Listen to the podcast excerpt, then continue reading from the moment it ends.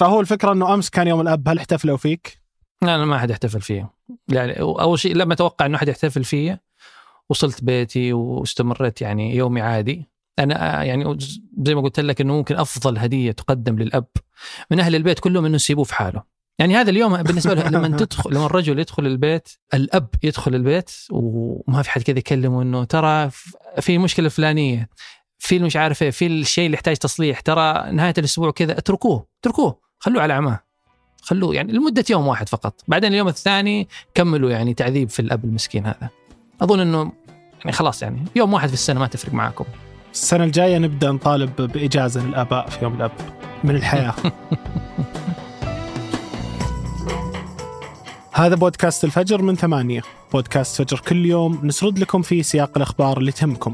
معكم أنا إبراهيم القرعاوي. وأنا ثمود بن محفوظ. الخبر الأول اليوم تقنية ثورية للزراعة دون الحاجة لضوء الشمس. وفي الخبر الثاني الذكاء الاصطناعي بديل للكشف المبكر عن أمراض مستعصية مثل السرطان.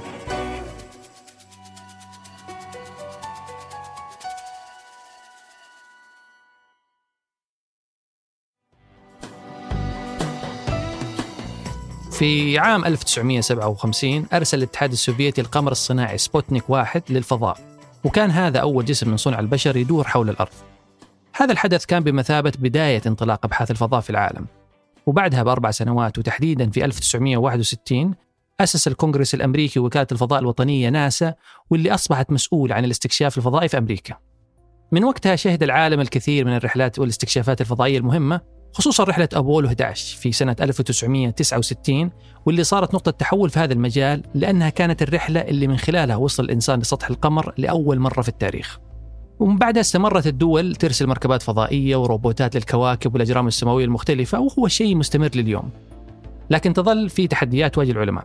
واحدة من هذه التحديات هو توفير الغذاء لرواد الفضاء خارج الأرض خصوصا في الرحلات البعيدة زي رحلة استكشاف المريخ واللي ممكن تمتد لثلاث سنوات.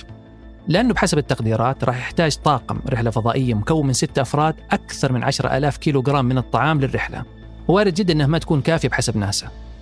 لكن قبل أيام كشفت مجلة Science أنه فريق من المهندسين ورواد الفضاء يجربون زراعة نبتة في الظلام من خلال محاكاة تجربة حديقة موجودة بمركبة فضائية نموذجية. ويقول العلماء أنه هذه الأبحاث ممكن تحل مشكلة قلة الأغذية واستمرار صلاحيتها في الرحلات الطويلة. في هذه التجربة اللي تصير النباتات يتم تغذيتها من خلال بعض العناصر الغذائية الاصطناعية كبديل عن ضوء الشمس. وبدأت فكرتها لما حاول المهندسين أنه يعيدوا تصميم إنتاج الوقود من خلال تعديل جينات في بعض الطحالب. الهدف الأصلي من التجربة هو كان تغيير طريقة التمثيل الضوئي للنباتات عشان تقدر تنتج الزيوت اللي ممكن تتحول لوقود حيوي تنتج الطاقة في المركبات. لكن الشركات اللي دعمت هذه الأبحاث تراجعت عن تمويل المشروع عشان تكلفته العالية. لكن في المقابل هذه الأبحاث قادت العلماء لنتائج ثورية غير متوقعة. من بين إمكانية زراعة بعض أنواع الطحالب في الظلام لما يتم تغذيتها بسائل كيميائي يسمى الأسيتات. NASA hopes its astronauts will be able to keep up their veggie intake on future missions to the moon or Mars. وحاليا العلماء قاعدين يجربون بجهاز ما يتجاوز حجم الكتاب. هذا الجهاز ينتج من خلال عملية دمج ثاني أكسيد الكربون والماء والكهرباء مادة الأسيتات والإيثيلين وهذه المواد اللي ممكن تكون غذاء مناسب للطحالب وبعض أنواع الفطر والنباتات. وكشفت النتائج المخبرية إنه هذه التقنية ساعدت في نمو بعض أنواع النباتات بشكل أسرع وأكثر حيوية ب 18 مرة مقارنة بالتمثيل الضوئي اللي يحتاج إلى ضوء الشمس. فمثلا ممكن هذه التقنية أنها تساعد في إنتاج 8.5 كيلوغرام من الطعام يوميا في مفاعل سعته ما تتجاوز 2 متر مربع فقط. وهذا ممكن يوفر ثلث احتياج طاقم رحلة مكونة من ستة أشخاص في مهمة فضائية طويلة.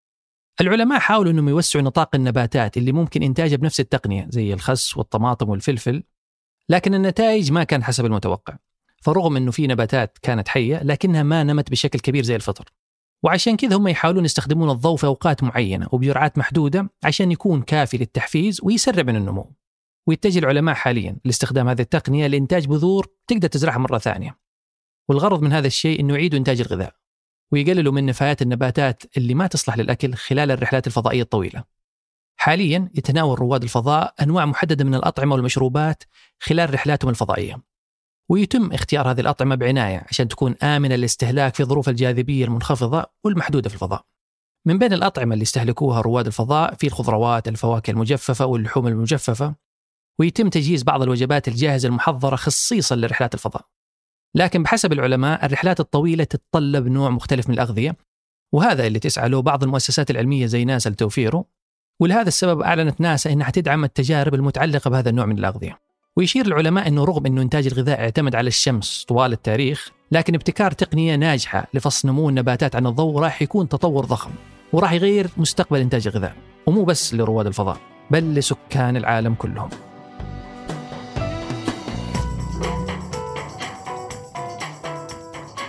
في الوقت اللي أعلنت فيه منظمة الصحة العالمية عن أن مرض السرطان تسبب عام 2020 بوفاة ما يقارب 10 مليون شخص حول العالم. أكدت أن التشخيص المبكر لمرضى السرطان يساهم في زيادة استجابتهم للعلاج. بالتالي يزيد احتمالية بقائهم على قيد الحياة. لكن تشخيص مرض السرطان ما زال يواجه تحديات كثيرة تعتمد بشكل أساسي على دقة أدوات التشخيص المتوفرة عند الطبيب. لأن نتيجة التشخيص تنبني عليها خطة العلاج كاملة فكثير مرضى يحتاجون يروحون لطبيب واثنين وثلاثة عشان يتأكدون من نتيجة الفحص ويضمنون وصولهم لخطة العلاج المناسبة لحالتهم. مع بداية هالسنة أعلنت شركة بيج المتخصصة في تقنيات تشخيص مرض السرطان وعلاجه والوحيدة الحاصلة على موافقة إدارة الغذاء والدواء الأمريكية في استخدام خوارزميات الذكاء الاصطناعي في علم الأمراض عن شراكة مع شركة مايكروسوفت لتفعيل دور تقنيات الذكاء الاصطناعي في عمليات التشخيص. من خلال صناعة نظام إلكتروني متخصص في علم الأمراض الرقمي. واللي لو بنشرح آلية عمله ببساطة بنقول إنه يحول الشرائح الزجاجية اللي تحتوي على خزعة المريض لشرائح رقمية على جهاز الكمبيوتر. ومن خلال أدوات الذكاء الاصطناعي في النظام يتم عرضها وتشخيصها. وطموحهم تجاه هذا النظام أنه يوصل لكل مستشفيات ومختبرات العالم لأنه أشبه بحل شامل لسير عملهم من ناحية إدارة البيانات وتخزينها وعرضها. ويساهم في تسريع عجلة التحول الرقمي في المجال الصحي. والأهم أنه جدا دقيق في التشخيص ويساعد أخصائيين علم الأمراض بكفاءة عالية على تجنبهم للأخطاء البشرية الممكنة.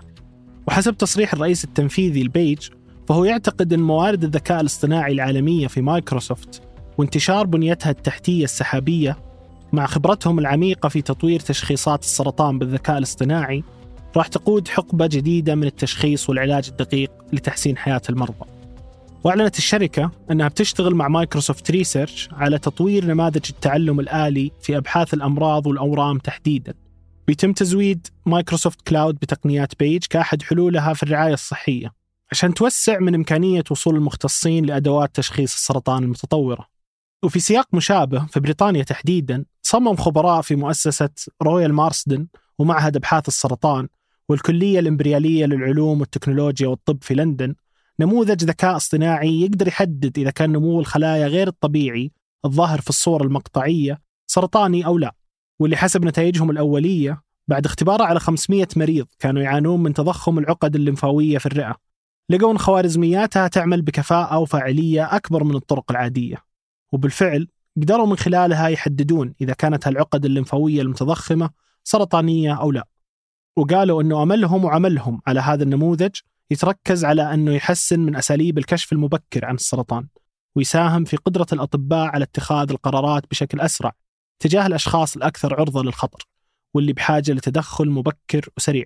كل هالنماذج والأمثلة ما زالت تعتبر البداية في إمكانيات الذكاء الاصطناعي والتعلم الآلي في مجال الرعاية الصحية واللي من المتوقع أنه خلال السنوات القادمة تتطور أدواته وتقنياته بشكل أكبر. وبيزيد توجه الشركات والمنشآت الصحية للاستثمار فيه. وهذا اللي يثبته تقرير شركة جلوبال ديتا اللي ذكر أن من المتوقع وصول عائدات سوق منصات الذكاء الاصطناعي في قطاع الرعاية الصحية عام 2024 لأكثر من 4 مليار دولار.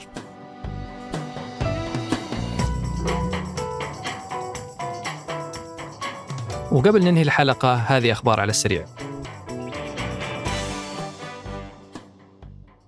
بعد استئناف السعودية وإيران لعلاقاتهم الدبلوماسية وصدور قرار بإعادة فتح السفارتين في البلدين وصل وزير الخارجية السعودي الأمير فيصل بن فرحان يوم السبت لطهران في أول زيارة رسمية سعودية بعد عودة العلاقات.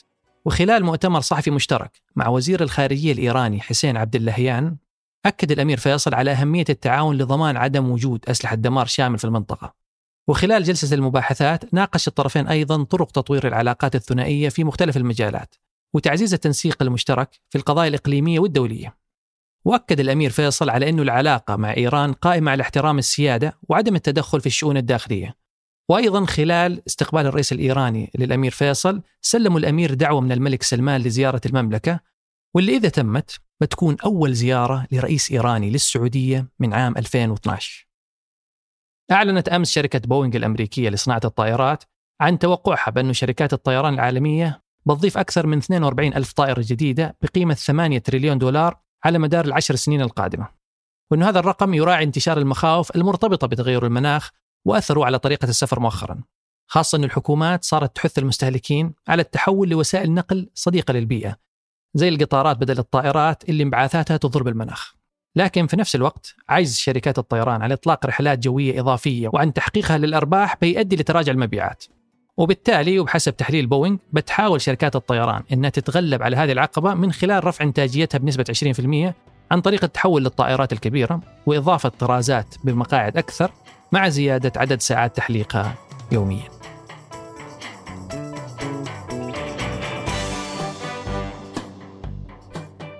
أنتج هذه الحلقة رهف العصار وتركي البلوشي وقدمتها أنا إبراهيم القرعاوي وأنا ثمود بن محفوظ وراجعها عمر العمران وحررها محمود أبو ندى. نشوفكم بكرة الفجر.